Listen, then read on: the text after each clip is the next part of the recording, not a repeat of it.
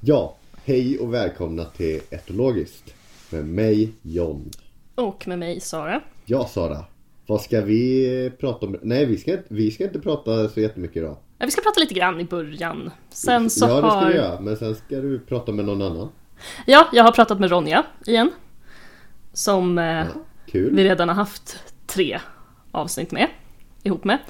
Ja. Eh, hon är ju... Hon är norsk. Ja, hon är norsk, absolut. Eh, men det är inte hennes största merit. Nej, okej. Nej, Nej. nej. Nej, men hon har ju under flera år... ändå. Absolut, bara, bara där är det, då är ju Ja. en bra person, eller hur? Eh, nej men hon har under flera år arbetat med, alltså både rida in och utbilda vanliga hästar utan större problem, men också tagit Ja. emot ganska mycket så kallade problemhästar. Okej. Eh, och Spännande. arbetat med dem på olika sätt. Eh, Ja. och hon har en bakgrund inom akademisk ridkonst framförallt och belöningsbaserad träning och sådär. Vad ska ni prata om idag? Ja, precis. Grunden till att vi bestämde oss för att prata igen är ju den dokumentären som du också har sett och som jag tror att de flesta i Häst-Sverige har sett nu. Ja, Alltså alla har ju sett den här dokumentären nu, alla kommer fatta vem man pratar om, alla tycker någonting. Eh, men vi har insett att vi har ingen aning om eh, hur förtallagstiftningen ser ut. Ryttarens namn kom, varje gång det nämns kommer ersättas med, vadå John? Nej. ja.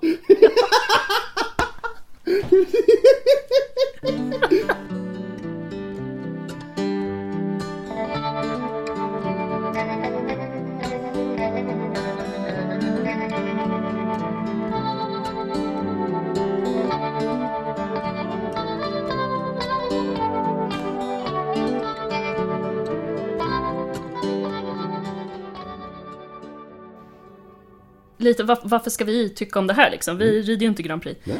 Eh, och nej, det gör vi inte. Nej. Men alltså, det här är så himla vanligt. Men rid bättre själv då! Ja. Ja, för det första, jag kan rida långt mer hästvänligt än det där, Ja, för att sticka ja. ut hakan. Jajamän.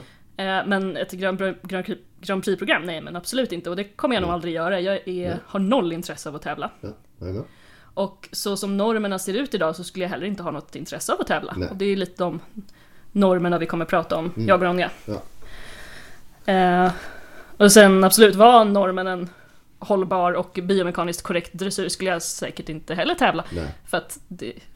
Ugh. Men det skulle i alla fall vara möjligt att titta på. Nej, Jag, jag klarar inte av att titta på dressyr. Nej. Eh, Så jag tänker det här argumentet med måste man alltså då kunna rida ett Grand Prix-program själv Ja. för att kunna se om huvudet är i lodplan eller inte? Ja. Måste man verkligen det? Kan inte du som inte ens rider se att de här hästarna har vikt, liksom, Ja. att de har fått huvudet vikt in mot halsen när du kollar på dokumentären? Precis. Det kan väl du se? Ja. Och du rider inte ens? Nej, eller hur? Jag har suttit på häst eh, någon gång och även en eh, åsna. Eh, jag är lite... Jag är lite feg. Är jag faktiskt. Jag, Ja jag- men det, är- det, är jag också nu för tiden när jag rider så sällan. Ja. Det är helt Ja. okej. Nej men då måste man kunna rida Grand Prix själv för att kunna se att hästen försöker gapa men att nosgrimman är för tight? Nej. Det tror jag inte. För att kunna känna igen ett pain face? Nej. Alltså samma logik så skulle inte jag, alltså min gamla granne han tränade ju vakthundar. Det gör ju inte jag. Ja. Nej. Eh, Han var väktare, tränade liksom hundar och springa efter och anfalla folk. Det gör inte jag. Men kan inte jag se att hans träningsmetod är dålig om han slår sin hund med kopplet över nosen? Jo, det kan man ju tycka. Och absolut, man måste lära sig att se, man måste lära sig att en träningsmetod inte är bra för djuret och så här. Nej.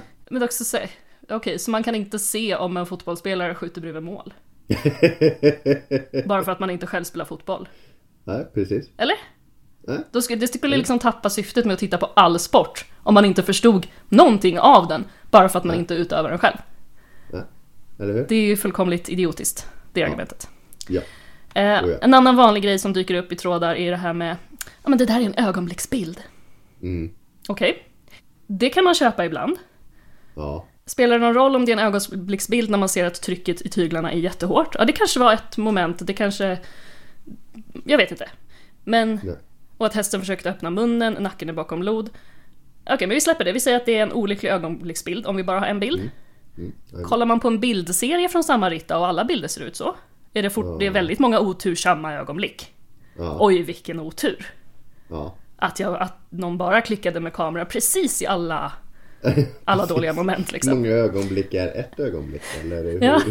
ja men precis, om man då kollar på video, så det finns ju hur mycket från framridningar på Falsterbo och andra från Epona TV. Mm. Eh, där alla ryttare konstant sitter och rider hästen bakom blod. Många har Mm, jättemycket precis. tryck i munnen. Det är väldigt långa ögonblick. Ja. Jag vet Ja. inte. ja men ögonblick kan ju vara olika för vissa. Ja, tydligen väldigt långa ögonblick. ja vissa Nej, men kan det- vara en tio minuter. Det... Ja, precis. Nej men det kan absolut finnas ögonblicksbilder som inte ser liksom bra ut. Men när det är en video, Mm. ja. ja. Nej, precis. Så jag tycker ofta att ögonblicksbildsargumentet inte heller håller. Och Ja. det kommer jag och Ronja- också prata om då. Ja, är det någon som har fotat i illvilja och verkligen väljer det där sämsta ögonblicket, den sämsta bilden och bara kolla vad den här rider dåligt. Ja, jo. Ja. Men ofta är det ju ryttaren själv som lägger ut bilder. Och varför tar man då bilder som man, fram, som man liksom framställer som någonting bra då? Mm. Det kommer vi hur? också prata lite om mm, i, angående den här normen om hur folk tror att eh, korrekt dressyr ska se ut. Ja. Eh, nej men och jag blev också lite förvånad över att elitvärlden spelar så förvånad över Okej. det här som framkom. Alltså var Förvånad någon av förvånad? Ja. Och det är inte bara den här personen som är ett problem, det är ju ett systemfel. Ja. Så, dressyren är definitivt inte till för hästen längre, utan det är hästen som är ett medel, ett flashigt medel för att få höga poäng i något som inte ens längre påminner om dressyr. Pengar, pengar, Eh. pengar. Ja. Ja. Nej men vad, du som inte är hästmänniska, vad fick du för tankar? Ja, alltså tack vare min utbildning och det så har jag fått mycket liksom. Eh, kunskap och alltså kött på benen liksom. Och när man ser på den här filmen liksom och alltså kritiskt granskar och eh, alltså förstår vad de eh, har velat få fram med dokumentären. Eh, så att säga så tycker jag de har gjort det på ett bra sätt. Mm. Väldigt bra sätt liksom. Filmat, de har pratat, de har eh, försökt ta kontakt med personer. Eh, de har verkligen gjort sin forskning på det hela. När det, både när det gäller, alltså, tar in eh, kunniga vetens... Vad heter det? Eh, Ja, de hade ju med en forskare. Ja, precis med en forskare och så har de, tar de med kunniga personer inom ämnet så att säga. Mm. Eh, så jag tycker det har varit väldigt intressant att se detta och eh, med hjälp av det även förstått varför vissa saker eh, ja, ser dåligt ut. Eller är dåligt. Inte ser dåligt ut. Bara, men är dåligt eh, liksom och det som eh, jag förstår det också. Även om jag inte är jätteinsatt i det hela liksom. Jag har lärt mig massa nytt också liksom men eh, jag tycker det var väldigt intressant. Mm, ja, det tyckte vi också. Men vi hittade ju också, vi reagerade ju på saker som vissa, framförallt den här manliga experten sa. Alltså som ytterligare befäster hur normaliserat ändå våld mot häst är. Vi kommer komma in på det, och Ronja också, men det här han säger att eh, Ja, nej, men att de får märken av sporrarna är, eh, det kanske inte är ett välfärdsproblem, men när man inte låter det läka. Man, Men ursäkta, Ja. inte sår i sidorna av sporrar ett välfärdsproblem? Nej men om man slår en person och det och eh, även om det inte blir några märken och så så då, Eller hur? Det är spelar inte ett roll problem då. så länge det Nej precis, man har ju inte misshandlat personen då eller någonting. Nej. Nej, men jag tänkte, kan du ta, pek, ta pekfingret, peta dig själv i revbenen tre gånger med så lite lagom, lagom tryck. Inte jättehårt, men inte jättelöst. Nej. Är det det skönt? gör jag nu. Ja. Ja, är det skönt? Åh, nej. Hänger Det det kvar lite det. smärta till och med efteråt? Det gör det på mig. Ja, det är lite ömt. Mm. Det är inte roligt. Nej, sätt upp händerna bakom nacken och tryck, lägg lite tryck på huvudet framåt så att nacken liksom sträcks lite. Eh, inte... Skulle du vilja gå så här, skulle du vilja gå så här i 30 minuter? Nej. Nej, Det är inte, det är inte jätteskönt va? skönt faktiskt. Nej. Nej. Det är det såklart inte för den här ställen. Nej, det kan Eh. jag förstå. Alltså, det, alltså, det, det, jag skrattar åt det men alltså Alltså så enkla saker som du bara berättar och vi- visar nu liksom det. Fattar det själv Mm. liksom att det, det inte är så roligt. Mm. Skönt. Nej, men en sak som jag och Ronja pratar om sen som jag återkopplade lite till själv idag för att det dök upp grejer på Facebook liksom. Mm. Eh, Det här hur man porträtterar hästar, vad man tycker är fint. Ja. Jag fick någon här reklam på Facebook idag från ett, ja man kan ju inte förtala företag men vi kan ju ändå bara säga ett hästföretag. Ja. Som tillverkar lite fancy utrustning och sådär. Eh, På sin, jag vet inte varför jag valde att gå, jo men jag tror det var bilden som ändå fick mig att gå in på hemsidan för att jag reagerade på bilden att Mm. Ja men det är en dressyrhäst med kandar och hela köret såklart. Ja. Eh, men sen på hemsidan så har de ett ganska kort klipp med den här hästen i galopp. Ja. Den är jättetydligt bakom lod.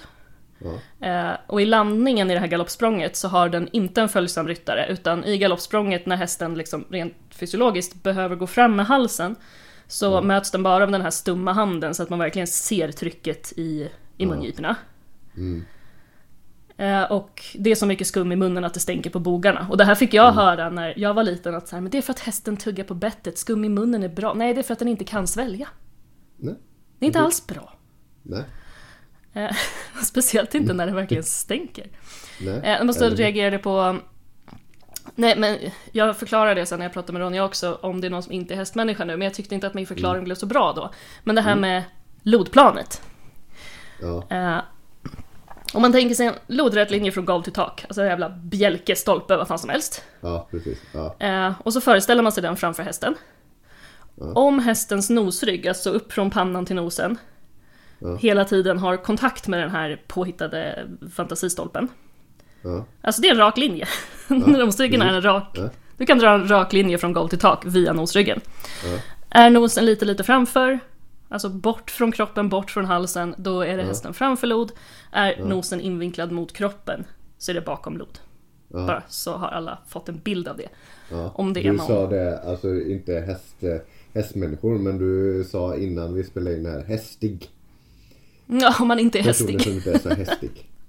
Ja. Så ni precis. som inte är så hästiga. Man kanske har... Nej, precis. Eh, Och ni som inte är så hästiga, ni kanske inte heller vet vem det är vi pratar om, men det är ju en Nej. snabb googling bort, tänker jag. Nej men, avsnittet i alla fall. Jag och Ronja, vi Ja. hade skrivit upp lite punkter vi ville ta med.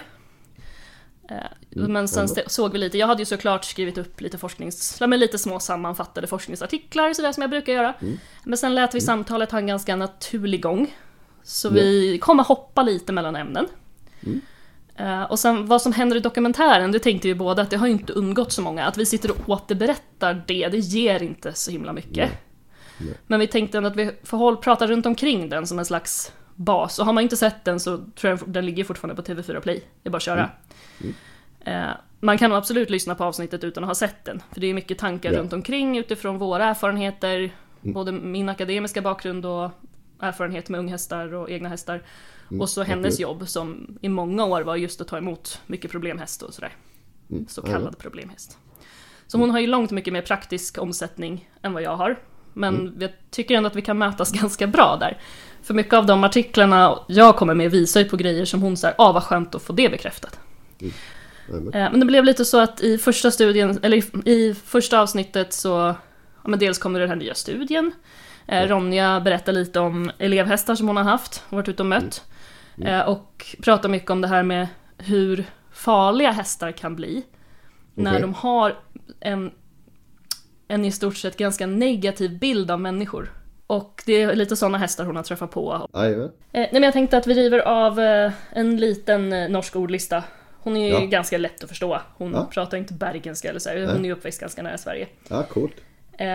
Men lite bara ord som är annorlunda. Så jag skrev upp några jag tänkte, det finns säkert fler Ja. folk får problem med. Ja. men eh, bara några som man kan slippa haka upp sig på. Ja.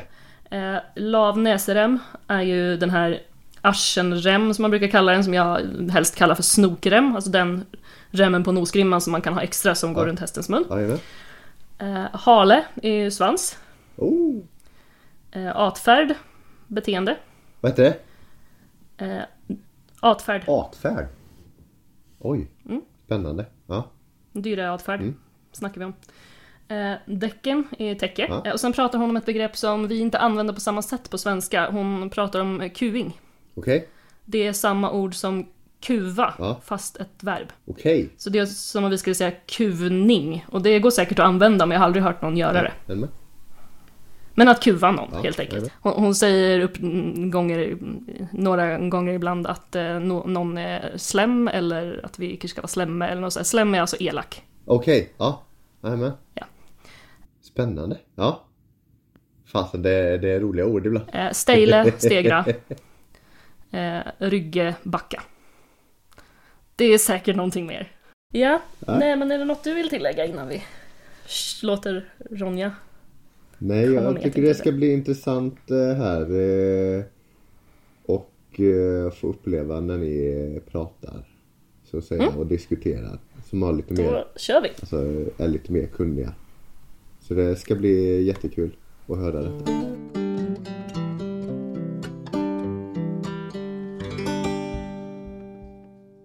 Kan ikke du starte med dine førsteinntrykk? Hva var liksom det første du bet deg merke i av videoene? Ja, alltså, jag tänkte lite längre tillbaks också först. Mm. Att vi har ju, jag tror vi har pratat om den här ryttaren förut. Mm. Eh, Jag vet i alla fall att jag har gjort det med andra. Och att det har ju känts länge som att det är väldigt mycket som inte är okej där. Alltså det här med att rida rollkyr har ju han gjort Mm. väldigt länge. Mm. Eh, Så jag tänkte lite så här först, var du förvånad när det här kom ut? Nei. Ikke i det hele tatt. Eh, mamma har jo faktisk en hest som er ridd av han fra tre til Ja, seks år. det. Så, så det, det, det gir veldig mening i hvordan den hesten ikke henger sammen i kroppen lenger, for å si det sånn. Ja. Så ja. Ja, nej men det är, det är för jävligt. Mm. Eh, det är inte sagt, men nej, jag är inte heller ett dugg, ett dugg förvånad Mm-mm. faktiskt. Eh, nej men det var mycket jag reagerade på i klippen. ja. Det tror jeg vi Jag vet, jag vet knappt vart man ska börja. Nei. Og jeg tenker jo litt sånn Altså, nå har man jo sett og hørt veldig mye, og veldig mange prate om akkurat dette her, og hva som var, og alle vet eh, hva disse videoene inne- inneholdt. Eh, Og jeg tenker vi snakker mer enn gjerne om våre inntrykk av den videoen og hva vi ser, men det er sånn som du sier, vi er jo ikke overraska over hva vi har sett, fordi dette er jo ikke nytt. Dette her er jo vanlig. Eh, og jeg tenker jo at både du og jeg har jo tatt et standpunkt på hestetrening og ridning og konkurranse for mange år siden. Eh, Ja. På grunn av akkurat det her. Fordi man ikke har lyst til å støtte dette her.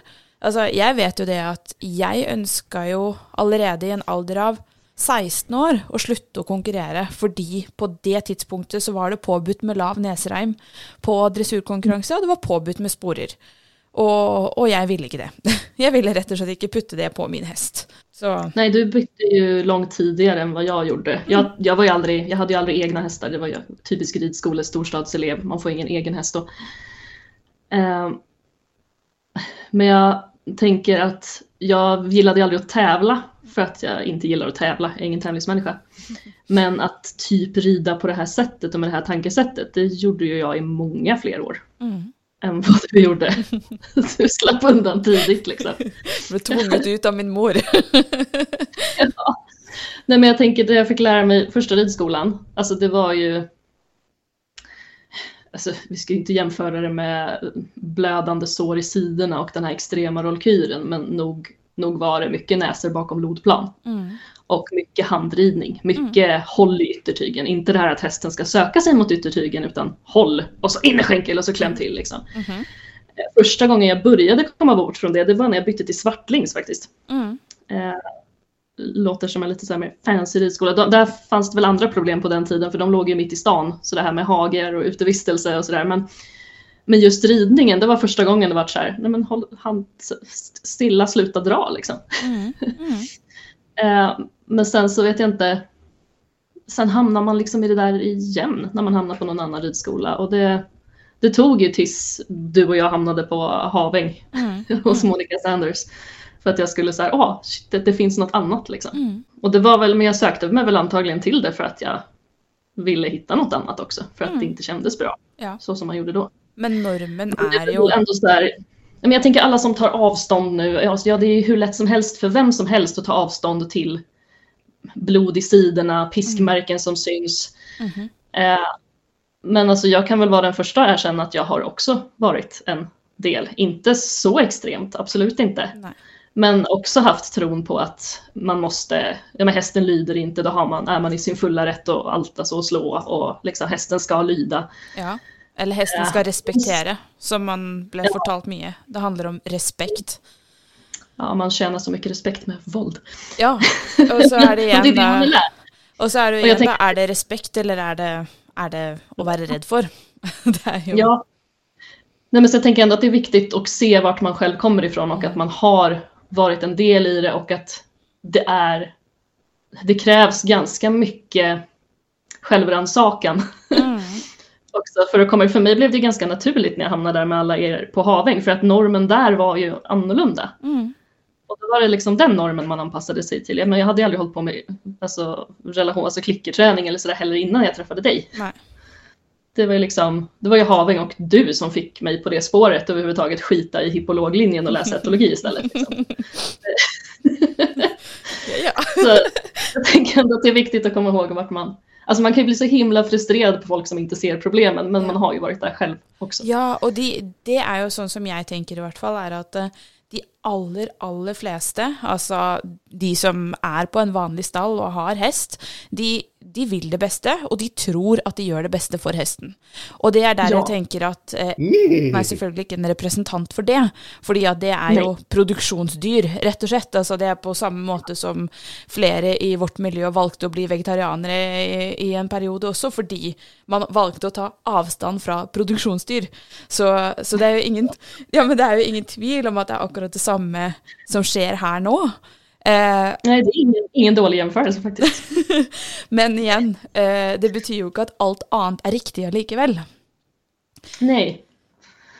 Men jag hoppas ju att det här ändå kan, alltså framförallt ifrågasättandet att, att dokumentären också går in på hyperflektion, rollkyr. Mm. Att det ändå kommer upp som ett klart tydligt problem för att normen är ju att det typ ska se ut sådär. Ja. Dessverre. Jag gjorde, jag ska se när vi laddar, jag gjorde en högst ovetenskaplig egen sammanställning Mm. i förrgår, tror jag det var. Eh, jag tog dem på hästnet.se. Eh, vad blev det nu? Jag tror det blev 35. Jag, jag ställde in på hästar över tre år och dressyr. Och mitt urval sen var att det skulle finnas video eller ridbilder där det syns tydligt att det är dressyr man försöker träna och Mm. inte hoppning eller Mm. Eller uteritt eller så. Eh, och det var lite, ja men alla raser, alla storlekar. Så. Men att det ändå var annonserat som dressyr. Det kunde vara annonserat som hoppning och så också. Mm. Men då delade jag upp det lite. ja, Jag har inte suttit och mätt vinklar, jag har uppskattat med ögonmått. Ja. Eh, Men då har jag haft kategorierna på eller framför lod, Mm. alltså där vi vill vara.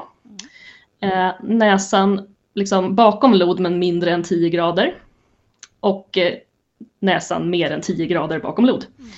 Eh, mina resultat på de 35 första hästarna, som sagt inte vetenskapligt överhuvudtaget, men jag tycker att man ser det här så himla mycket. Mm. Eh, sex av 35 hästar gick på eller framför. Mm. 17 mellan lod och 10 grader bakom och Mm. 12 mer än 10 grader bakom. Ikke sant. Eh, och varför har jag delat upp det så här då? Jo, jag kan faktiskt hoppa dit på en gång. Mm. Det har kommit en ganska ny studie från 2023, så att ja, det är ganska ny. Mm. Eh, vi lägger ju alltid ut, eh, jag och John, vi lägger ju alltid ut våra källor i, eh, på Instagram. Så vill man ha källor sen så är det etologiskt understreck podd på Instagram. Mm. Eh, men de hade 20 alltså redan utbildade hästar, så inga unga hästar. Och då tittade man på hur, hur luftvägar påverkades vid olika graders vinklar och också konfliktbeteenden. Eh, alltså vad hästarna uppvisade för tecken på obehag helt enkelt. Eh, och definitionen här av rollkyr, det är att näsan är inböjd mer än de där 10 graderna. Mm. Det var därför jag delade upp det i det. Eh, så man tittade på vilken skillnad, ja men de här fem grader framför eh, och så 10 grader bak. Eh, man, kollade, man tog blodprov också och kollade pH, laktat och luftvägar. Så hade man alltså med alltså endoskopi medan hästen rörde sig. Det visste inte jag att det gick, men det går tydligen. Mm. Eh, och det man såg, konfliktbeteenden, kan väl kort eh, säga vad man brukar ta upp som konfliktbeteenden också. Det kan vara svansviftning, öron bak. Bara de här tecknen behöver ju inte alltid vara obehag heller. Men eh, kasta med huvudet, öppen mun eller försöker öppna mun ska vi komma ihåg också. Eh, att man kan se tänder. Andra onormala orala beteenden. Försöker luta huvudet åt sidan. Går emot tygen. Eh, helt plötsliga gångartsbyten. Eh, eller vad de kallar crabbing. Och då hind legs of the horse do not follow the track of front legs. Eller att de försöker bocka. Ja, men den typen av beteenden hade man kollat på i alla fall. Eh, och man såg att bara vid att de här konfliktbeteendena var signifikant mer förekommande vid 10 grader bakom än 5 grader framför. Ja.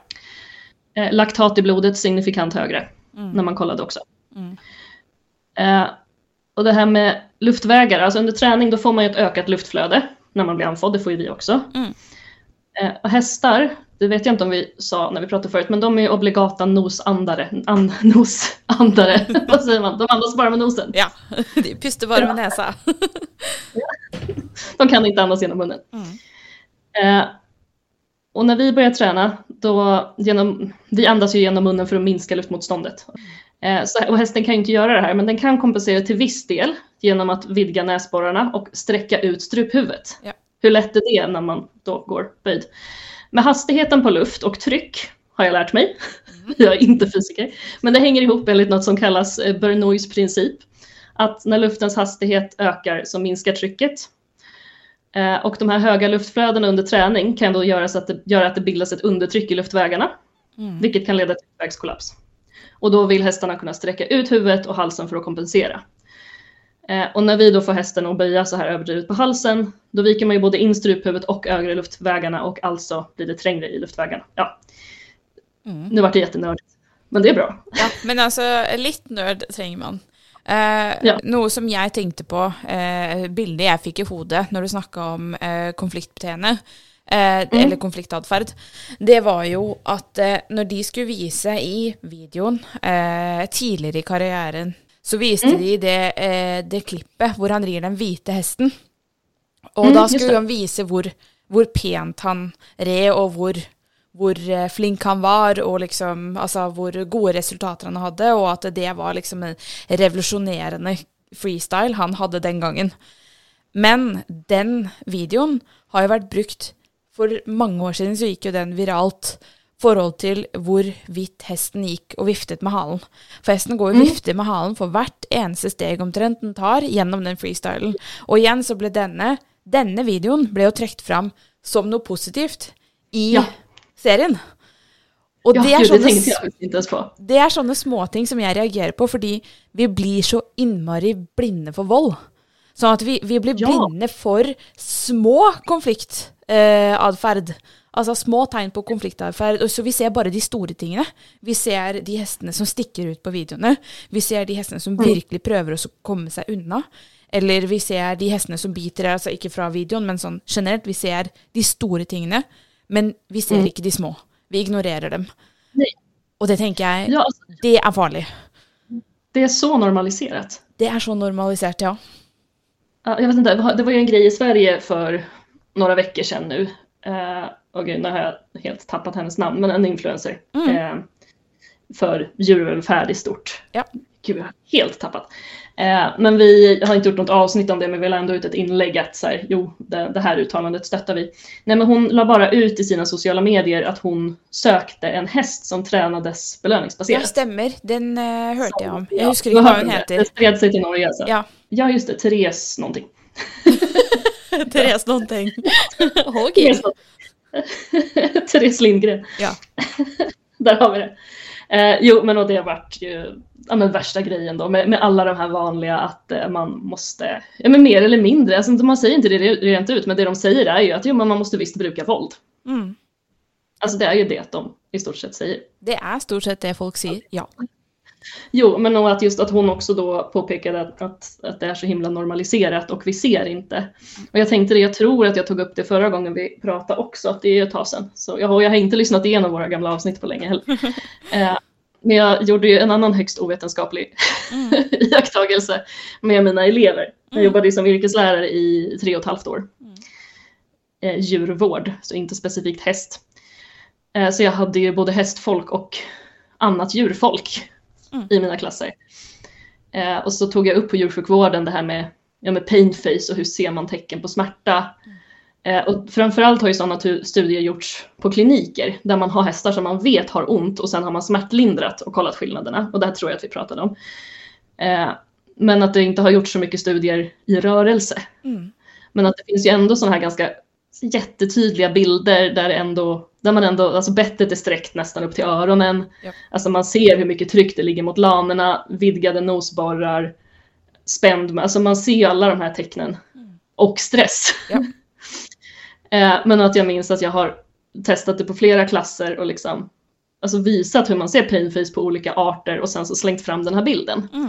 Med en häst som går lite strax bakom lod med ja. väldigt mycket tryck i tyglarna och ser väldigt obekväm ut och frågat har den här ont? Och hästmänniskorna är mer benägna att säga nej det där ser bra ut. Ja.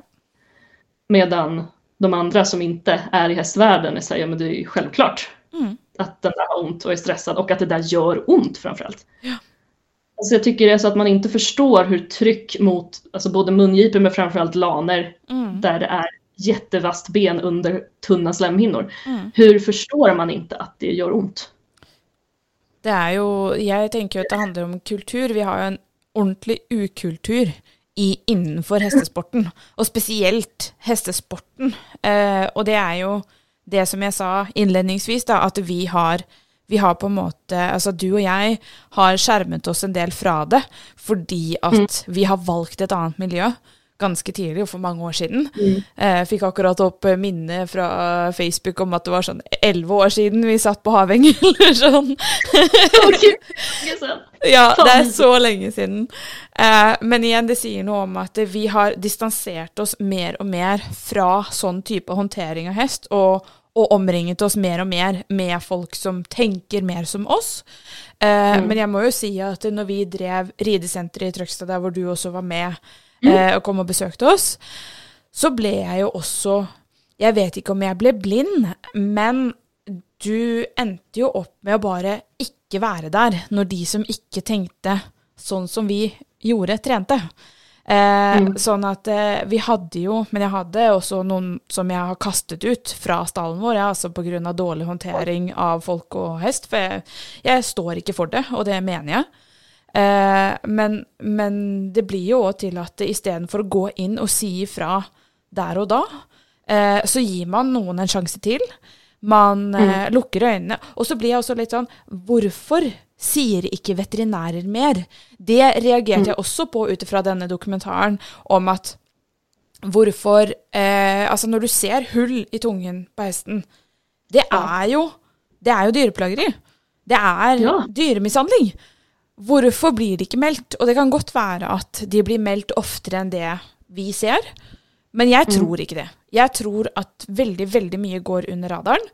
Eh, jeg tenker at når du ser, sånn som vi òg ser i dokumentaren, at hester har blod i munnen på eh, en konkurranse Altså, jeg har holdt på nå med hest i 25 år, og jeg har aldri noensinne sett blod i munnen på hesten.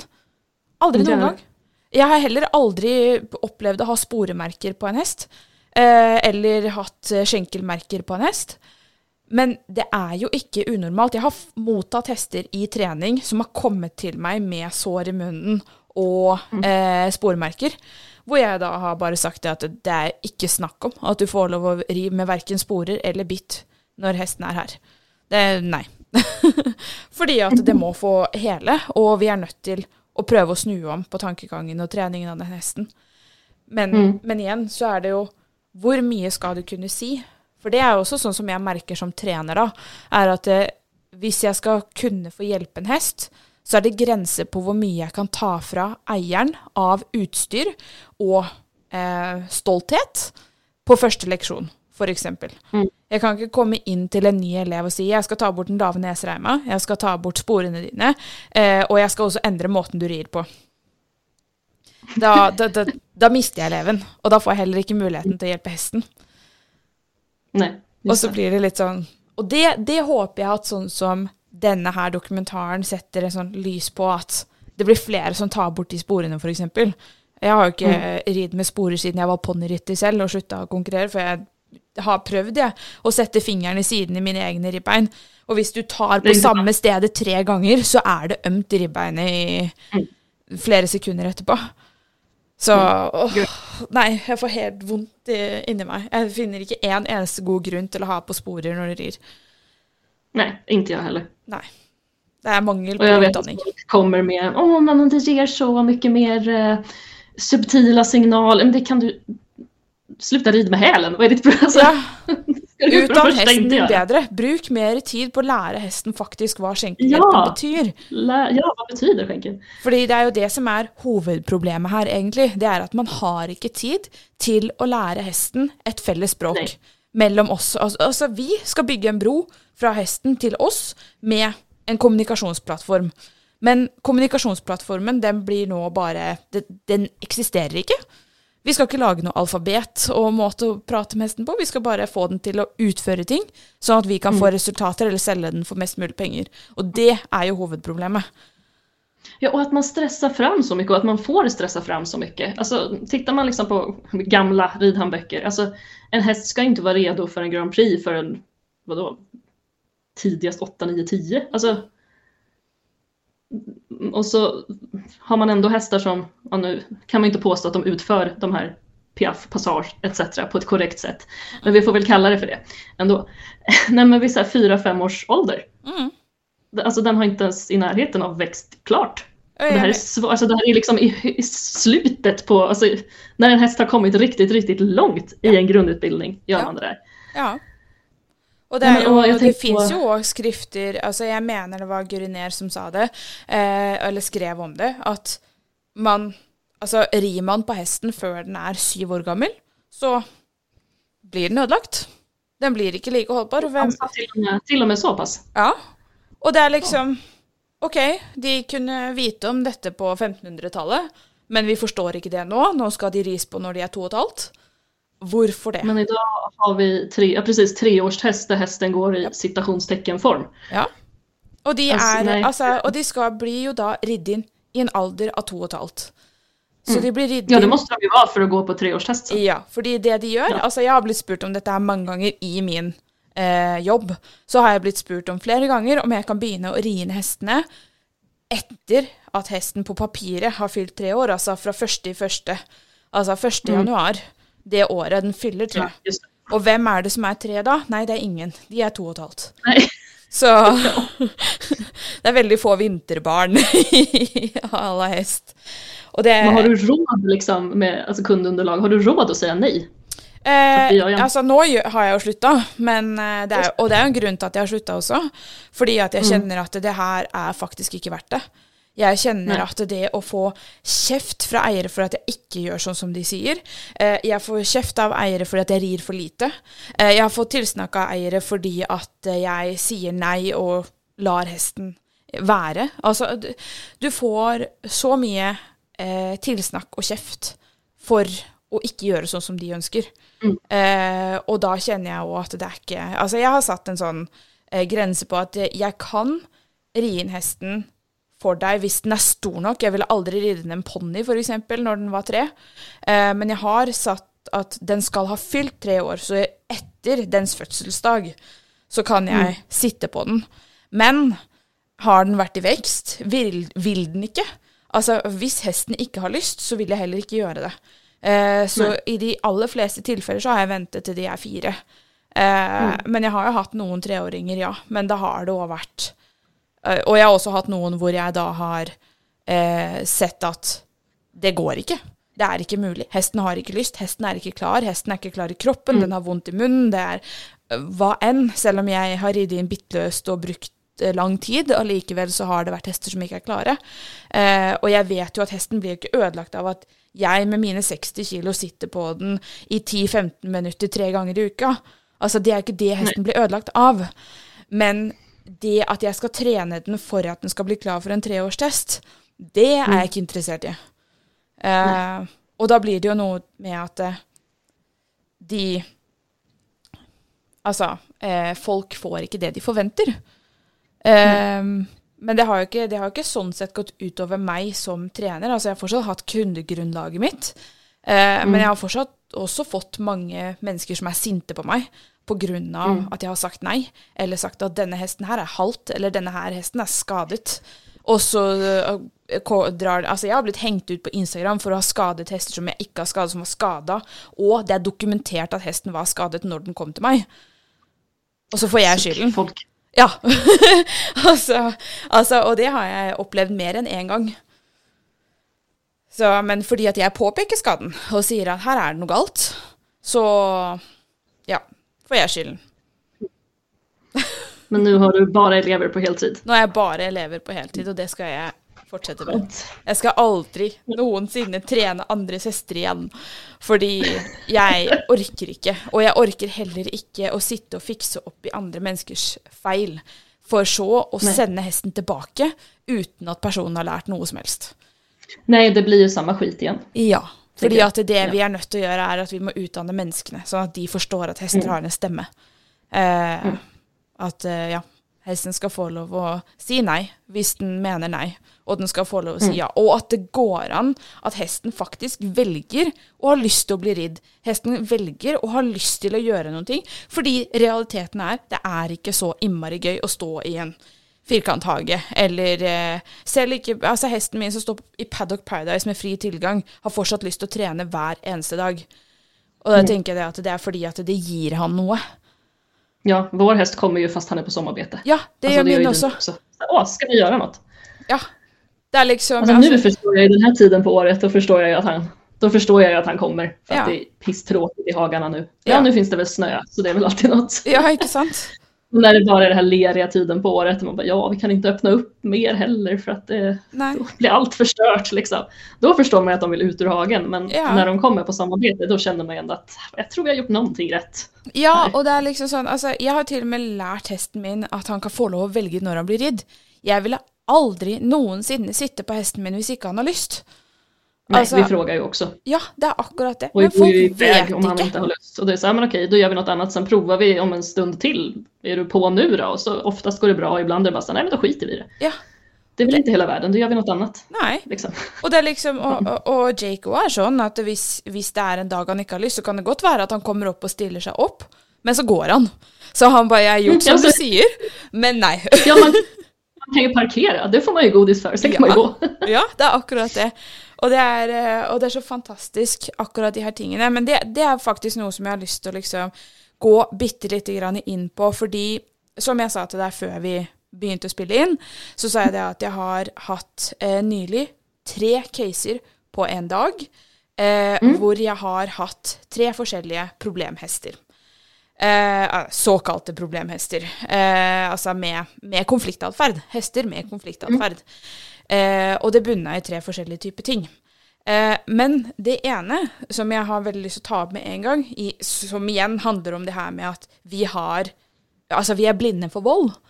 Det er disse unnskyldningene vi lager for oss selv for hva som skjer. Altså, vi, vi rettferdiggjør det vi ser, og vi forklarer det som at Altså, det er vår sannhet, det, det vi ser, og det vi gjør, og det vi forklarer. Men, men ja. Eh, jeg kommer til en hest eh, som ikke vil ha på seg dekken. Hesten blir sint når den får, blir presentert dekken. Den angriper. Eh, og det som jeg ser, er at hesten viser unnvikende atferd lenge før vi løfter opp dette her dekkene. Eh, så jeg begynner med noe som jeg kaller for kontakttrening, hvor jeg da ikke presenterer noe dekken, men hvor jeg bare lar hesten ta på meg. Eh, altså, jeg løfter opp hånda, får hesten til å touche, og når hesten toucher, så går jeg. Sånn at den får hele tiden vite at det, hvis jeg faktisk tar fysisk kontakt med deg uten aggresjon, så flytter hun seg, hun fjerner press. At det er en veldig mild måte å få hesten til å begynne å kontakte litt grann mentalt. Vä- väldigt, väldigt mild negativ förstärkning. Veldig. Eh, og det, det at hesten bare får en liten følelse av at den har lov å ha en stemme, uten at den trenger å snakke så innmari høyt. Um, det som skjer, og da når jeg gjør denne her type trening, det tar ganske lang tid, eh, og jeg står da og prater med eierne. Eh, eierne forteller da at denne hesten Å nei, den har For da får vi tatt av dekkene. Så viser den at den har så her store merker i skjenkeleiet. På begge sider. Eh, og det er jo et område på da jeg vil si kanskje 15 cm i diameter. Det vil si at disse menneskene rir ikke med sporer. Eh, fordi da hadde det vært hull, og ikke store områder som mangler pels. Men de har ganske hard skjenkelbruk, som gjør at pelsen gnages vekk. Deres resonnering på dette er at, at hesten har dårlig pelskvalitet. Precis lokalt där. Ja. Eh, og derfor så er den potensielt også veldig sensitiv for dekken. Alltså det är inte roligt men Og jeg forstår at man, man fordi, Og det er det jeg mener, da. At folk har ikke lyst til å være slemme med hestene sine. Hest, Nei. Altså, de, de er ikke voldelige mennesker. Det er ikke sånn at de banker barna sine hjemme. Det her er mest sannsynlig veldig, veldig snille mennesker. Men de bortforklarer problematikken. Og jeg tenker det, ok, hvis denne hesten har såpass hard skjenkelbruk hele tiden, så viser den nok noe konfliktatferd også under rytter. Men det kan være en helt annen type konfliktatferd. Det kan være typ at den stopper. At den går sakte. Fordi at den har vært ridd mest sannsynlig såpass godt at den har aldri gjort utfall fra ryggen siden den ble innridd. ikke sant? Fordi at det blir jo banket bort, akkurat sånn som man ser i disse videoene fra. Eh, at man, man lærer hesten tillært hjelpeløshet, men så kommer det andre forsvarsmekanismer frem. Eh, forsvarsmekanismene da er å være treg. Fordi at den, den, den beskytter seg selv på lik linje. Fra bakken så har ikke disse hestene vært utdanna. For de blir bare sitte på. så, så de blir ikke utsatt for vold der eh, i det hele tatt. De blir mest sannsynlig Kanskje de blir leid med kjetting for å komme inn og ut av hagene, eh, men det er det. Eh, ellers så er det liksom ingenting. Og på den samme stallen så har jeg nok en hest som er sint på dekken, eh, og vanskelig å håndtere fra bakken. Og det jeg ser som en fellesnevner, også når vi liksom hadde ridesentre og hadde hester som ble eh, Som var gode dressurhester, eh, gode spranghester, det var at hesten var ekstremt snill å ri på, men veldig vanskelig å håndtere fra bakken. Viste aggressiv atferd fra bakken. Og det fordi, Intressant ändå. det er veldig interessant. Alltså på något sätt. Fordi jeg tror og, altså Dette her er bare min teori, sånn som jeg ser det. Det er at vi er snillere nå enn på veldig lenge. Altså, vi er snille fra bakken. Vi flytter oss når hesten viser konfliktatferd. Vi slår den ikke, for det er ikke lov å slå dyr. Det er ikke lov å slå hestene. Men hesten har vært man sitter på dem. ja, men vi har jo også Der har vi andre teknikker. Det er så, det er så eh, subtile hjelpere. Det syns ikke så godt. For de fleste av oss gjør ikke sånn som de gjør på videoene. De fleste av oss Nei. sitter ikke og sparker og slår, men vi har en pisk, og så toucher vi litt, grann, litt hardere på låret for å få den litt mer frem, eller innunder i, i svingen, eller whatever. Vi tar litt mer tak i den tøylen. Men vi sitter jo stille med hendene, for det har vi lært. At vi skal sitte stille med hendene. Men de eh, Det gör ju inte alla, men absolut. Nei, men du skjønner også hva jeg mener. At det ser ikke like brutalt ut for det utrente øyet. De som ikke ser. Altså, det blir normen, Nej, som du sier. Precis. Och även om man nu sitter still med händerna, vilket man ju, alltså stilla händer är ju också så här, ja, stilla i den bemärkelsen att du inte drar och sliter och håller på. Men det här är ju också ett så himla vanligt fel som jag också gjorde förut. Mm. Eh, att man inte följer med i hästens rörelse. Mm. Alltså i skritt, hästens huvud går ju naturligt fram och tillbaka. Mm. Tillåter man inte den rörelsen, då låser man nacken. Ja. Statisk Så det här med stilla händer, statiska händer eller stabila händer skulle jag väl kanske hellre kalla det. Om man, för att du ska ju ha den där, alltså hästen måste få, annars är inte hela kroppen med. Mm-mm. Annars rör sig resten av hästen och så har du liksom bara huggit av vid nacken att nej, här får du inte pendla någonting. Mm. Eh, Men ja. tänkte bara, nu när du ändå nämnde, nämnde begreppet inlärd hjälplöshet, ska vi Mm. riva av det? Ja, det Mm. kan vi godt. Eh, men jag tänkte samma som gjorde den här, eh, alltså i, i den här studien där de kollade på andning och eh, de här små skillnaderna, alltså 10 grader bakom lod, det är inte jättemycket. Nej. Eh, men där det ändå blev skillnad i andning. Och hon, de, alltså i diskussion, tror jag det är, eller om det är inledningen, eh, hon tog upp lite intressanta punkter ändå. För att det här med att fixera hästens huvud i en position menar den här forskaren är inlärd hjälplöshet och det menar jag också. Alltså när du har gjort det på det sättet att hästen bara får vara i fred när den går och snällt böjer på nacken. Mm. Men hon lyfte också en annan intressant grej, att, hon- eller jag tror det är en hon, nu blir jag osäker. Men eh, i alla fall att det egentligen på ett sätt är rätt orimligt att ha samma signal för att sakta farten som att böja in huvudet. Ja. Det är tryck i bettet. Mm. Ska det betyda stopp? Ska det betyda böj nacken? Mm. Eh, Och att det, just för att det är samma egentligen signal för två helt olika saker, det går emot grundläggande inlärningsteori. Mm. Eh, Och att böja ner en hästs huvud med våld går ju också emot all grundläggande ridning, med, där det ska vara avslappning och lätthet och så Ja. vidare. Eh, Men i alla fall, när man då lär hästen att enda sättet att komma undan trycket i bettet är att böja in nacken. Och för många hjälper ju inte ens det, de sitter ju kvar med det där trycket, men de kommer ju ändå inte undan, så att då ger man bara upp. Alltså det är det behöver man också ha med sig, att säga, ja, negativ förstärkning används ju korrekt, eller vad man ska säga, när trycket försvinner. Mm. Sen är det fortfarande inte korrekt att böja in en hästs huvud med negativ förstärkning för att det kommer inte bli bra. Eh, Men för många ser man ju klart och tydligt att trycket släpper inte. Mm. Och många är så här, man kan inte tvinga en häst till någonting, den hade ju protesterat. Men den har ju lärt sig att protestera inte hjälper. Mm. Även om det gör ont, för att den vet att det finns inget jag kan göra för att komma ur det här som gör ont. Ja. Så det är inte så att oj, nej, men så fort hästen får ont då kommer den protestera. Alltså det här är ett gammalt begrepp. Den första som studerar, nu går jag in lite på historia med begreppet, eh, med roliga oetiska studier som gjordes förr i tiden. Det är alltid kul. Eh, Det var 1967, Seligman och Mayer. Det var på hund. Och det man grundade försöket på var klassisk betingning. Alltså grundat på Pavlovs teorier. Han fick ju Nobelpriset 1904 för hur sportkörteln fungerar. Men hur han kom på det, det var ju med sina berömda hundar och klockan Mm. som ringde när det vankades mat och till slut så dreglar de ju bara klockan ringer och det är där det Mm. ringer en klocka och alla sådana uttryck kommer ifrån. Klassisk betingning, koppla ihop ett, ett stimulus med någonting annat. Det vi använder när vi klickar, om vi använder klickerträning Mm. eller vad man nu har. Mm. Eh, sekundärförstärkare. Eh, och när vi klickar då gör vi det för att koppla ihop något trevligt. Eh, men i vår, i etologisk-podden så har vi pratat lite om de här tidiga etologerna och behavioristerna. Då hade vi ju Watson som gjorde det här The Little Albert Experiment dels, där man då fick lära sig att knippa ihop det med någonting jobbigt. Han fick ju lära sig att förknippa fluffiga djur med obehagligt ljud och till slut grät han av att se djuren. Eh, så Seligman och Mayer använde sig först av samma princip 1967. Så det första man gjorde det var att lära hundarna att koppla ihop, jag tror att det här också var en klocka, alltså en ringklocka, med en elektrisk chock. Mm. För att man då ville se om det här gick åt båda håll och inte bara att det var positivt som med Pavlovs mat. Japp. Eh, Och de här hundarna de kunde inte göra något för att undkomma. Eh, Sen satte man in hundarna i ett rum där halva golvet var strömförande. Det var som en liten en litet staket, typ, en grej som de i alla fall kunde hoppa över för att komma till andra sidan. Där man inte fick en elektrisk chock. Hundarna gjorde inte ett enda försök att komma undan, för att det har de lärt sig att de inte kan. Det gör fortfarande ont, det är skitobehagligt, men de har lärt sig att de inte kommer undan.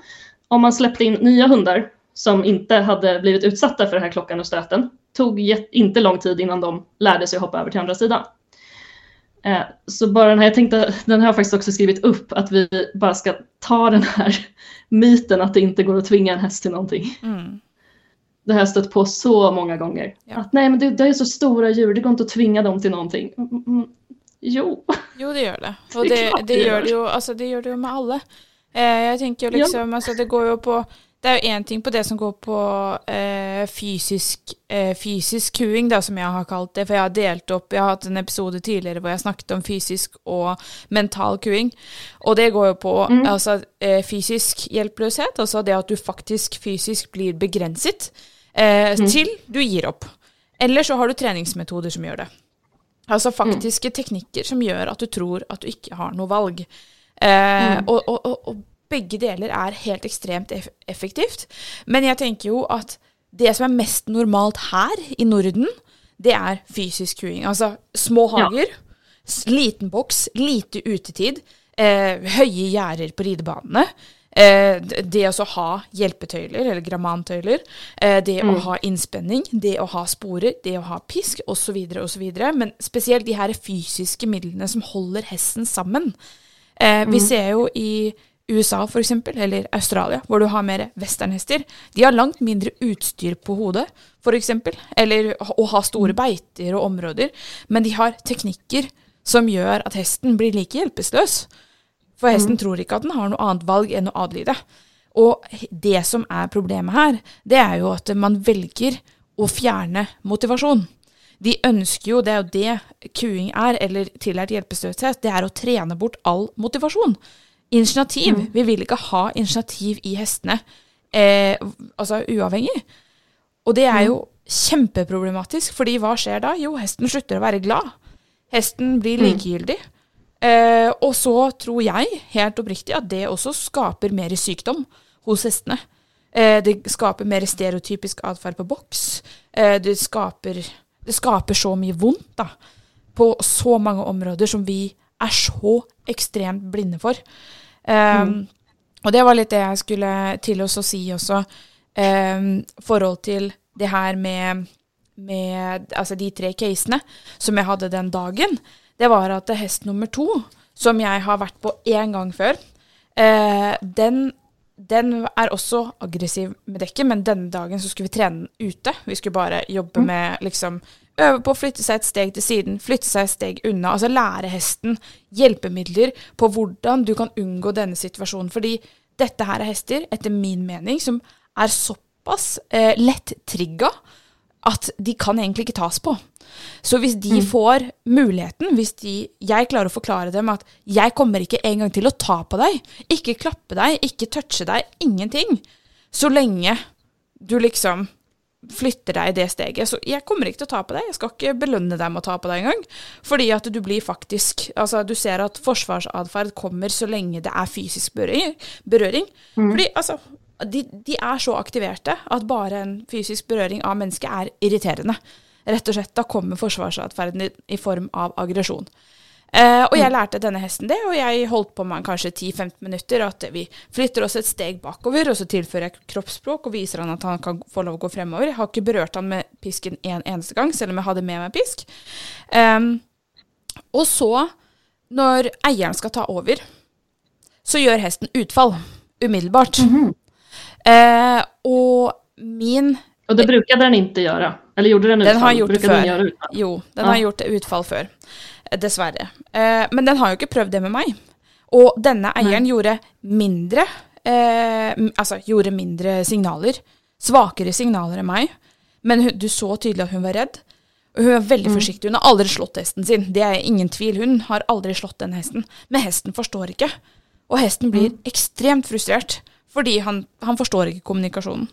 Og derfor så gjør han utfall. Så det var flate ører, åpen munn og sånn to frambein så stamper liksom Du vet sånn at de hopper frem mot personen. Så det er liksom snakk om centimeter. Og min refleks da er jo bare løpe imellom. Jeg hadde ikke pisk, jeg hadde ikke tau, jeg hadde ingenting. Jeg hadde ikke hjelm, ingenting. Løper inn imellom og brøler og liksom veiver for å få hesten unna. Og så tar jeg over, prøver forsiktig å be hesten kan du ta ett steg tilbake. Den vurderer da å gjøre et utfall mot meg, og da, da er jeg også ganske fysisk. Jeg toucher den aldri, men jeg tar pisken i bakken. Jeg liksom gjør meg stor og sier det er uaktuelt, jeg flytter meg ikke. Eh, og så bare står jeg der, puster, og så prøver jeg igjen å komme med kommunikasjonen jeg og denne hesten allerede har lært eh, og, og blitt enige om. Og så går det greit. Hun bare sender ut i skritt den samme siden hver gang, liksom. Du kan få gå der borte, dette går bra. Og så skal eieren få prøve en gang til, og jeg sier nå skal jeg stå ved siden av deg. Idet personen, altså eieren, legger på det samme trykket, sier at hesten skal ta et steg bakover med en lydkommando, kun en lydkommando, så gjør hesten utfall igjen. Oj. Ja. Eh, og der tenker jeg at eh, jeg tror med denne hesten, fordi denne hesten er veldig stressa, mest sannsynlig også ridning, men har lært da det å være hjelpeløs. Altså den føler seg hjelpeløs, den, noe, den kan ikke si noen ting der. For dette er en stor ridehest som har vært ridd inn av profesjonelle folk tidligere i livet, og har vært en, altså det er en rutinert dressurhest. Så under salen så gjør den ingenting. Ingenting galt. Eh, men så fort det er fra bakken, så er hesten aggressiv. Så fra bakken så tenker jeg at hesten har fortsatt en stemme. Nå har denne hesten en eier som ikke sier at 'jeg har tenkt å banke deg' hvis du ikke adlyder. Så derfor så blir den ikke nøkket i eller slått med en pisk eller hva enn. Og derfor så gjør den nå bare større og større og større utfall. Fordi at den har jo stress, og den vet ikke lenger hvor stresset kommer fra. Stresset bare er til stede så fort det er mennesker i nærheten. Mm. Og da er det litt sånn Hva gjør vi da? Hva gjør vi med de hestene hvor det har gått så langt, og, og liksom Og kulturen har blitt sånn som den har blitt, da. At eh, ja, vi har disse tillært hjelpeløse hestene i visse situasjoner, men det er situasjonsbetinga. Og så kommer du til andre situasjoner hvor hesten da er så aktivert egentlig, men kjenner at her kan jeg faktisk si noe, og så får du en overreaksjon, egentlig. Og du har ikke liksom Ja. Og nå- det var jo to hester på samme stall. Det er på samme store ridesenter. Eh, hvor det er primært dressurhester. Mm. Mm. Men jag tycker det låter rätt rimligt. Att du har en situation där du inte kan göra någonting. Alltså, jag tänker på det här med displacement aggression överhuvudtaget. Att det, det låter ganska rimligt. Att det här har jag en, ser redan frustrerad, jag mår redan dåligt, här har jag en situation jag kan kontrollera Ja. om jag gör så här. Det er akkurat det. De, den hesten tenker jo bare 'jeg skal ha mennesker bort'. Bort, ikke Mm. ta på la litt meg være i space, liksom. fred. Det er det den vil.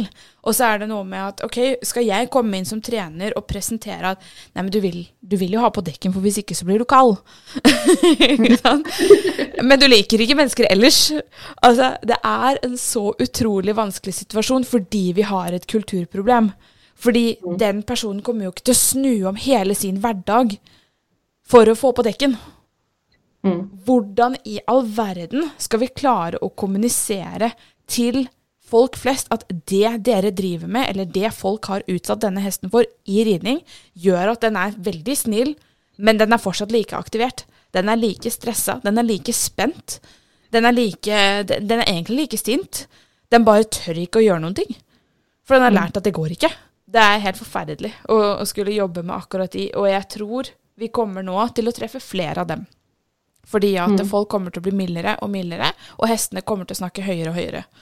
Men de har fortsatt ikke kunnskapen til å lære. Nej, Och kommunicera. i faktiskt. Hæ? Det, det kan du nog ha väldigt rätt i. Eh, Jeg, jeg har sett det mer bare de siste par årene. At det har blitt sånn at jeg ser mer aggressive hester fordi folk er for snille. Altså Det er ikke det at man skal være slemme, men folk slutter å sette grenser. Eh, Og derfor så tenker de at de Hvis jeg bare er snill, hvis jeg bare ikke gjør noen ting, så, så blir det bra. Men problemet er jo at hesten vet jo ikke hvordan den skal kommunisere, og da blir følelsen av å være i nærheten av mennesker at dette er stressende.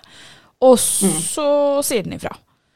Ja, precis. De har ingen bra grundförutsättning för människor. Alltså, om hästar som är mer uppväxta som våra hästar är uppväxta eh, och inte riktigt har fått stöta på det här. Alltså det händer ju såklart med en ung häst att man får sätta gränser Nettopp. med, alltså som du sa, med att skrika eller liksom, ja men gå inte över mig. Ja. Och sen kan man fundera på, okej hur ska vi göra för att inte hamna där? Men man kommer göra misstag själv. Hästen utforskar vad som funkar, vad man kan göra. Alltså man, jag tycker man behöver inte slå sig själv varje gång man råkar hamna i en sån situation där man Nej. behöver ryta ifrån eller någonting. Liksom. Men jag tycker skillnaden där är ju också, som Jake eller Oj, alltså Oj var ju Ja, de hade, de hade liksom inte tid med honom, han var ju ett misstag. Mm. Eh, så det gick ju att leda honom. Hon hade tränat typ stå på pall med positiv förstärkning. Alltså han var redan lite klickertränad också. Så han har ju aldrig, han har ju bara fått en upplevelse att egentligen så är det rätt trevligt med människor. Mm. Sen att han har lite humör i övrigt och sådär. Mm. Eh, jag tänker att det blir en annan grej då på något sätt att ryta ifrån någon enstaka gång med en sån häst. Ja. Att det blir förmodligen inte så traumatiskt heller för att man har satt in på relationskontot så himla mycket. Nettopp. Men som du säger, en häst som redan har en jättenegativ, alltså jättenegativt på relationskontot. Mm. Och då behöva, men som du, alltså det är ju släcka bränder som du när du gick in emellan dem och bara nej. Ja. Liksom. Det bygger ju bara på den dåliga relationen, så ja, hur Ja. fan ska man göra? Ja. Og jeg har, altså, jeg, mitt tredje eksempel, da, som egentlig kommer fra det helt andre holdet, det er eh, en ung hest som aldri har opplevd noen ting vondt. Eh, Dette er en ung hest som eh, er trent i aller, aller beste intensjon. hele veien. Den er tre år gammel nå. Problemet er at den har ikke lært å håndtere livet. Det er min eh, så, Ok. så, så grønn sone for den hesten, det er inne i hagen med de andre hestene i Paddock Paradise. Så fort den er utenfor med bare mennesket sitt, så har vi et problem. Hesten har ikke lært grenser. Så mm. per nå så er hesten ikke mulig å sko eller eh, verke av hovslager. Hovslager er nå redd for hesten. Eh, når jeg kommer dit, så får jeg beskjed om at vi skal ut og gå en tur. Eh, det, jeg tror det er det beste for hesten, sier eieren. Eh, min eh, eh, Altså, min oppfatning er at idet vi kommer litt bort fra de andre hestene, så har vi et problem. Fordi at hesten begyn- ha- den blir frustrert. Den vet ikke hvor den skal være, hvor den skal gå, hvor, hva den skal gjøre. Så den eksploderer. Så når den ikke da får lov å spise mat fra bakken, altså gå og gresse, så, så eksploderer den. Fordi det eneste den tenker, er jo mat. Når den føler et form for stress, så har den fått mat. Så når den har vært når den har vært stressa, som i en hovslagesituasjon, så har den blitt gitt kraftfôr eller godis, men helt uten mål og mening. Altså ikke systematisert, men bare gitt mat. Nei. Så den forbinder jo, etter min mening, så forbinder denne hesten mat med stress. Så at Ja, når det blir också fel. Ja, det Det gjør är det. ett jättevanligt Men- misstag med hund och allting. Att man Nettopp. Og det er det jeg tenker igjen. förgiftar. Vad är det, vad är det, det är någon etolog som, brukar, som har sagt någon gång att man förgiftar godiset eller något så här. Det Ja. är inte bra. Det er akkurat det. Altså, og jeg tenker at det her er også et veldig veldig vanlig feil som veldig veldig mange gjør. Egentlig de aller fleste som nå bestemmer seg for eh, at jeg skal være snill med hesten, så jeg gir den mat istedenfor. Så jeg distraherer hesten med mat. Problemet mitt med dette er at jeg tenker at hesten prosesserer ingenting. Den lærer ingenting når den står og spiser, den bare stresspiser, og så lærer den seg å stresspise. Så med en gang han føler en angstfølelse, tenker jeg, utenfor eh, altså sin komfortsone, så søker den etter mat. Hvis vi da holder igjen i leietauet og sier at nei, det får du ikke lov til, så blir den sint. Jag tycker mat är ju också, alltså det är så svårt det där, för mat är ju också på ett sätt ofta lugnande. Det kan bli, alltså gör- man det rätt, eller blir det rätt? Alltså man kan ju ha, ett, en sak som funkar med ett djur kanske inte funkar med det andra. Eh, jag tänker det man vill är ju ändå så här, nu ska den förknippa det här med något positivt så jag stoppar in maten. Och det är ju en jättebra tanke. Det Liksom. er en kjempefin Vi har tanke. ju, ja, jag har ju låtit mina hästar så blir de stressade ute. Vad är det vi, vi gör? Vi står och betar en stund tills vi är lugna. Mm. Blir vi inte lugna, men fan då går vi hem igen. Alltså är det så mycket stress då Ja. ger man sig ju inte ut. Alltså då får man ju ta det i små steg tänker jag. Mm. Men jag tänkte på i början när vi köpte Oj. I början med så här skoning, verkning. Vi försökte ju ha honom barfota först. Mm. Eh, så i början var det inte ett stort problem för lyfta hovar och sådär. Det var ju helt lugnt. Så att då var det så här, "Nej, men han får stå och äta hö så att han är nöjd. Mm. Och det funkade jättebra. Eh, tills någon gång när han tyckte det var lite jobbigt, när han, han fick ju fång och sen till slut så gav vi bara upp med hårda hagar och allting så att det blev skor till slut. Behöver alltså ja, vissa hästar behöver skor, vissa behöver inte. Vilka förutsättningar har man? Alltså det är så, den, den evighetsdiskussionen kan man ju ha också. Ja. Men, så vi tycker ju att går det att vara barfota så är ju barfota bäst. Så tycker ju Mm. vi egentligen. Både jag och hon jag äger hästen med. Men där blev det ju nästan en sån situation för han blev jätteknepig med bakhovarna. Och liksom, ja, men mest att han ville ha tillbaks dem men det blev ju också att han sparkade. Ja. Och då förstår jag ändå hovslagaren någonstans att hon drämmer till honom även om det inte är så effektivt. Det är ändå så här rent självförsvar liksom när det jävla benet kommer. Eh, så där fick vi börja om. För att då hade han, han hade inte tyckt att det var tillräckligt jobbigt innan för han var ganska nöjd med att stå där och käka hö. Ja. Och sen, fan nu blev det jobbigt och då gjorde ju han, då blev det liksom en grej att det där bakbenet, alltså det förgiftade till och med att bara kratsa hovar. Ja. Så skulle han hålla på och lyfta upp det under magen och liksom, så där var det ju bara att börja om och då är det som du säger, då måste man göra det systematiserat. Ja. Så då var det ju varje dag, vi började om helt, bara en halv sekund hålla hoven i min hand. Bra, klickgodis, varsågod. Ja. Eh, på två veckor om ens det, alltså med lite lite träning varje dag. Det här är ju inget som man står och gör en timme om dagen heller. Då, då dör ju både jag och hästen av uttråkning. Mhm. Eh, men så på två veckor kunde vi stå och, med hovkrats och bara slå på skon Ja. utan problem. Ja. Och jag har ju alltid lärt, jag har ju tyckt det är så skönt med att hästarna håller upp hovarna lite själv och inte står och hänger. Mm. Så både med kava och oj har jag i början när vi höll på med hovkratsning bara så här, belönat att de lyfter själv och inte hänger på en. Ja. Här började jag istället belöna lägg vikten i min hand. Ja, det är bra. För jag vill ha stabiliteten här liksom. För annars vet Att jag han att det förstår att han ska slappa av, då belönar du egentligen Ja. att han slappar av. Ja, precis. Mm. Och det har jag ju inte gjort med de andra för det har inte behövts. Nej. Eller, liksom, eller innan. Eh, så visst, nu var han lite tung, tyngre att kratsa bak på, Ja. men vad fan. Ja, Det alltså det fungerar. Och igen, da har du skapat, Nej, skapt väl- en kommunikasjonsplattform, och det är det jag menar, att det där, där känner du, ok, vi har kommit till en form for misforståelse, egentlig. Altså Ja. det, er, det er en brist i kommunikasjonen, Mm. og så finner du en annen vei. Eh, det Ja. som skjedde videre med den her eh, unghesten, det var jo da at eh, hesten begynte å eksplodere. Eieren ble redd. Eh, Men Mm. gjør egentlig Min ingenting. jag. Ja, og den gjør ingenting. Altså, e- eieren gjør ingenting. Så hesten begynner å hoppe ut til siden, og jeg går bare og tar og Jeg griper tak i hesten, og så sier jeg 'nå går du bort', og så, altså til eieren, og så tar jeg bare over. Eh, og så er målet mitt da egentlig bare å nekte den å spise, fordi jeg tenker at så lenge denne hesten spiser, så, så vil ikke han eh, håndtere følelsene sine. Uansett hva jeg Mm. gjør. Sånn at eh, jeg må bare nå sørge for at han ikke spiser. Og han ble kjempefrustrert. Han begynte å hoppe og steile. Og da steila han sånn at han, han sikta mot mitt hode med frambeina. Eh, og jeg tok da longeringspisken og, og slo i bakken foran han, og da ble han jo redd de første to-tre gangene. Eh, og så sier jeg til eieren det at eh, bare så du vet det, hvis han skyter frem mot meg en gang til nå, så jeg beklager, men jeg kommer til å måtte slå hesten din. Fordi dette her er farlig. Eh, og det er faktisk en av de første gangene jeg har kjent på følelsen av at jeg er nødt til å si ifra at nå kommer jeg til å touche hesten din. Fordi at jeg er redd for, for det første, hun står og filmer. Eh, fordi man syns at det er spennende og man har lyst til å lære av det senere. Jeg forstår det. Mm. Eh, jeg kommer aldri til å be noen om å ikke filme. Men hvis du bare får med sekvensen av at jeg slår Mm. hesten idet den steiler, så vil det gå veldig heftig utover meg. Og Mm. der sitter jeg og kjenner på ganske mye, både nå, men også tidligere, og når jeg har hatt hester i trening òg, at det er så dritt å være den personen som må gå inn og fysisk straffe hesten for å redde mitt liv eller noen andres liv, fordi at man har latt det gå så langt. Mm. Fordi at eh, altså, den hadde ikke trengt å være sånn.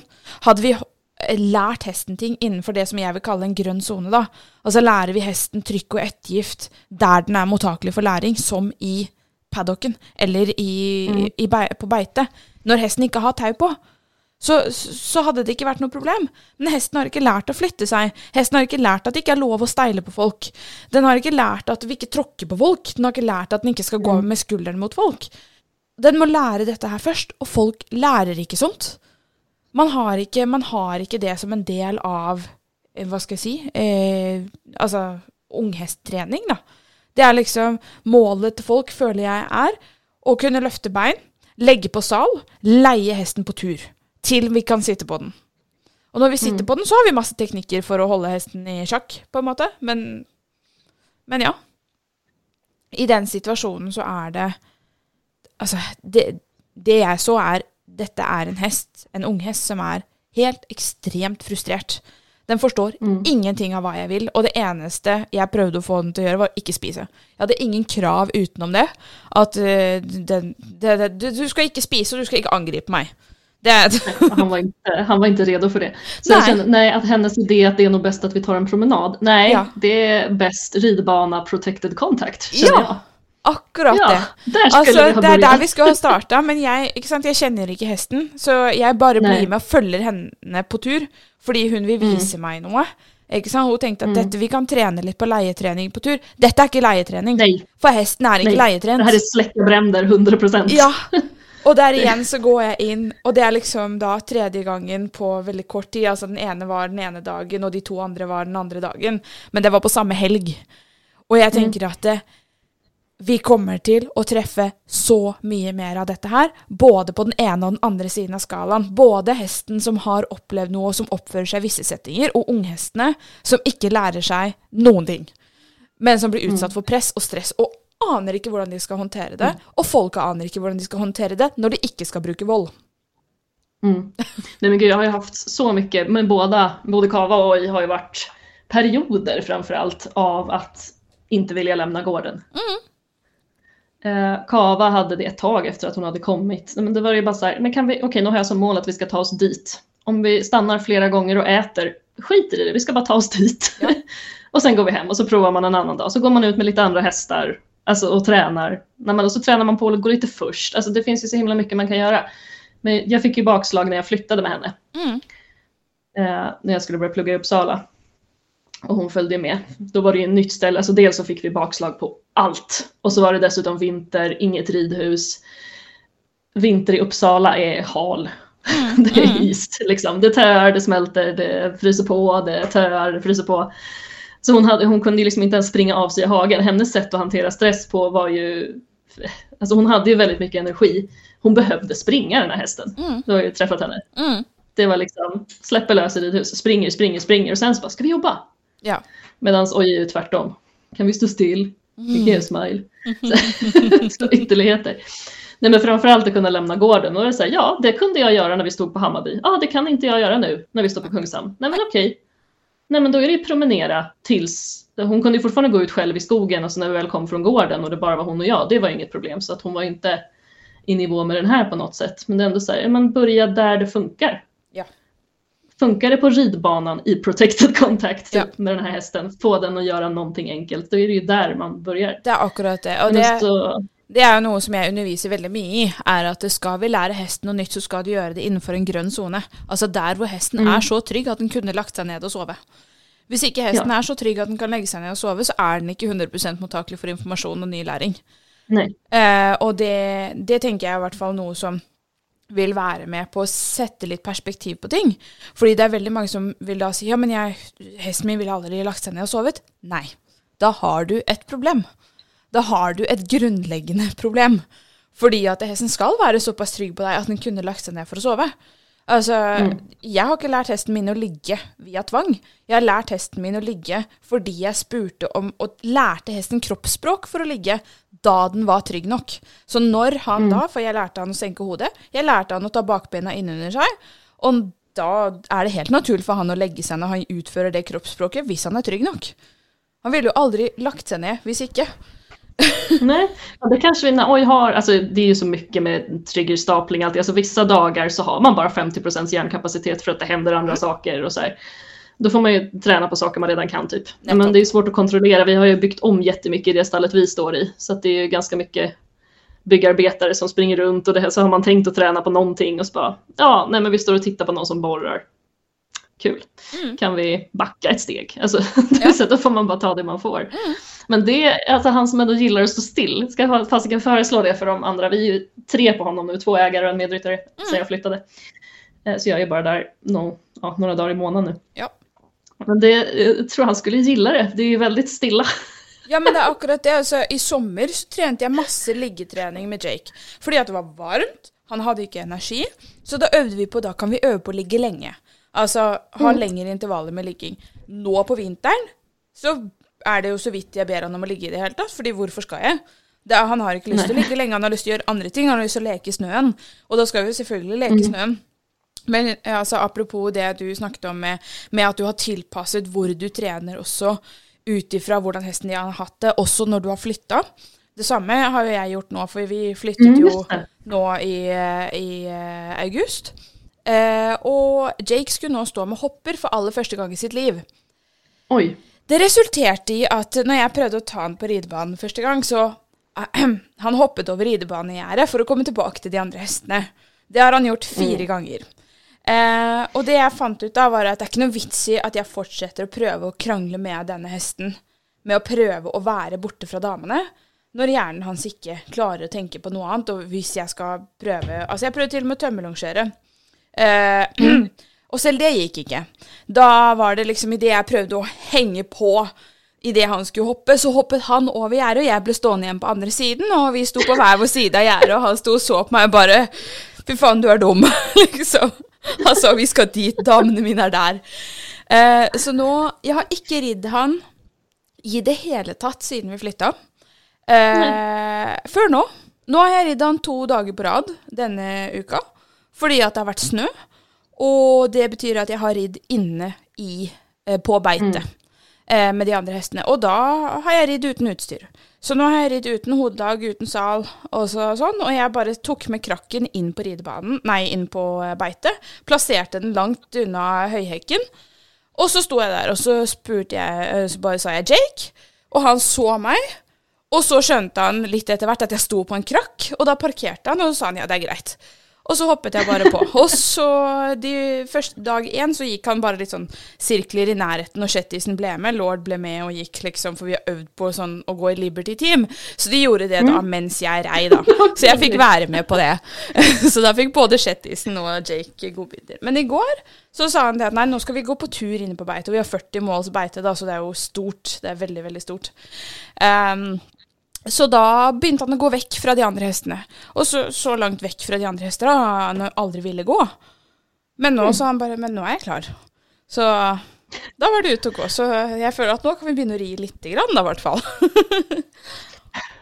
Alltså jag tänkte, alltså det här med så här ny ryttare, nytt ställe, nu är det inte ny ryttare för dig, men jag tänkte de här som de sa, alltså dels att de ska dölja sår och grejer på hästarna, alltså Mm. bara det är så jäkla sjukt. Men just det här som någon sa att nej men de här hästarna ska kunna ridas av vem som helst. Typ. ja. Det är så här, så hur jävla dålig ryttare man än sätter upp så ska hästen gå citationstecken i form. Ja. Liksom, det är ju mer, alltså det är mer som att köpa en bil än som att köpa ett djur. Ja. Jag tänker det också, vad händer sen när de kommer till ett nytt ställe? Alltså det, då kom, det kommer ju vara en annan häst så fort den är på ett annat ställe. Mm. Hur, eh, alltså fick ni den som ni har, fick ni den direkt från honom? Eller den som din Eh, mamma har? den, kom Eller- til, den kom til Norge. Eh, den kom til Norge direkte fra han. Den har aldri fungert som ridehest i Norge. Da var hesten seks år. Nå er hesten 15 eller 16 år gammel og går som avlsopp hos mamma. Eh, den har vært forsøkt ridd med masse innspenningstøyler og greier i Norge i etterkant. Hesten har da bare vært halvt. Eh, Den har jo en rygg som ser ut som en hengebro. Eh, men den, eh, den gikk og ble ridd av fra den var tre til den var seks. Og så ble den solgt som sånn god dressurhest til Norge, men det er ingen som har fått til å som ri. vem som helst ska kunna rida Ja, klar. ja. Men så er det ingen som har fått til å ri på den, og hesten er gal. Eh, men den er jo ikke gal, den er jo kjempesøt. Mm. Eh, men är för jag tänker så fort de kommer ur den här miljön där det är hot, om inte nästa ägare fortsätter och dunka sporrarna i sidan och slå skiten ur dem så är det ju ganska stor risk att de börjar protestera också. Jag vet inte hur Ja, den statistiken ser det. ut på hästar som den härifrån. Ja, men det, Och det, då har man ju fan inte levererat en bra produkt heller om Nej. man nu ska se det så.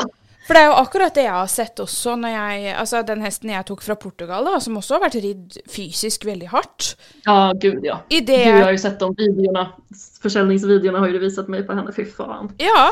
Og det er liksom Altså når jeg da kommer opp, og så, og så får jeg hesten min, da, og så får han gå på utegang for aller første gang i sitt liv, så sa han bare 'Jeg skal aldri fanges noensinne igjen'. Så jeg tenkte ok, da får du gå her. Og Jeg tror jeg lot han stå på utegangen i en uke, for jeg prøvde å ta med inn, liksom. Og han fikk jo da separasjonsangst fra flokken i seks måneder etterpå. Fordi at han, og han ble livredd for å være på boks. Og han hadde jo ikke vært på noe annet enn boks i hele sitt liv. Han hadde jo stått seks år på den samme boksen uten paddock. Eh, og, og når den plutselig fikk paddock, så var det jo liksom Boks var jo panikk. Ikke sant? Han sto og kastet seg på veggen, på ve- steil, prøvde å klatre over boksveggen. Han var kjempestressa. Og så i treningssituasjonen så begynte han jo å si nei til alt. Han ville jo ikke. Når han skjønte at han hadde en stemme, så hvorfor pokker skulle han gjøre sånn som jeg sa? Så han òg ble jo sånn som begynte å steile, rygge, eh, altså gjøre mye protester som han ikke gjorde der nede. Men det er jo fordi at eh, han ikke ble fysisk pressa på den samme måten, da. Mm. Og mitt inntrykk er at det Jag hört, Hæ? jag, har inte, jag har inte hört några andra historier om hästar därifrån för att jag är ju inte i den världen heller. Uh-uh. Alltså jag står inte på ett stall med massa fancy hästar. Vi, vi har lite blandat. Det är något halvblod, det är någon kallblodstravare, det är någon Mm. islandshäst liksom. Mm. Massa barskirer. Okej, tre barskirer. Masse. Massa. Det är ganska mycket, det är en ganska ovanlig ras. Så, Ja, ja. så för den sakens skull så är det ju många. Ja. Så jag ser ju inte sån, den typen av hästar heller. Liksom. Nei.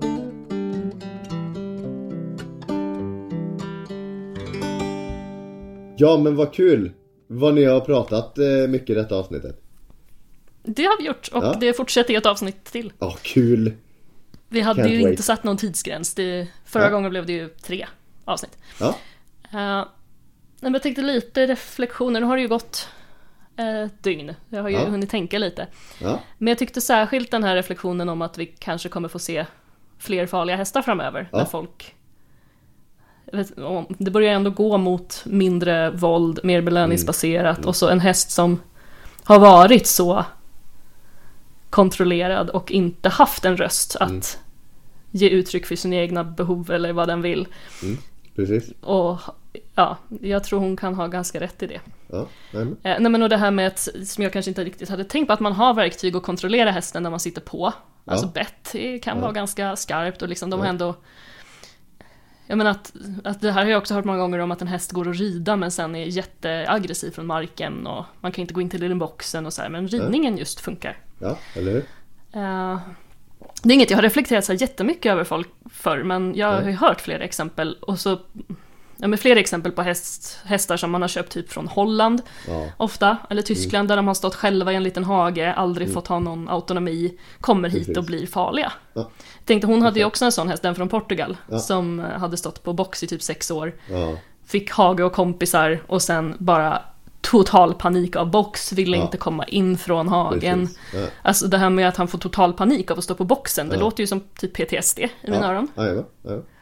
Ja, ja. Så det blir ju för honom så här varje gång han blir instoppad i en box igen så måste ju han så här, ja ah, men shit nu är jag inlåst i min jävla fritzelkällare igen, jag kommer aldrig komma ut.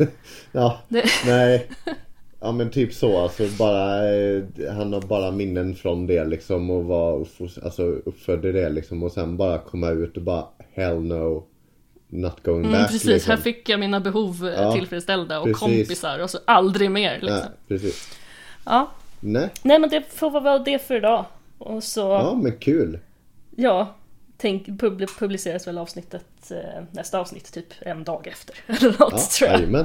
Det låter bra. Det- Det låter bra. Ja, Ja, men då var vi klara med, eller vi, det, ni klara med det och vi avslutar detta avsnittet lite lätt så här. Ni får ta det kolugnt, eller ja, hästlugnt delar i detta avsnittet men ha det bra. ha det bra.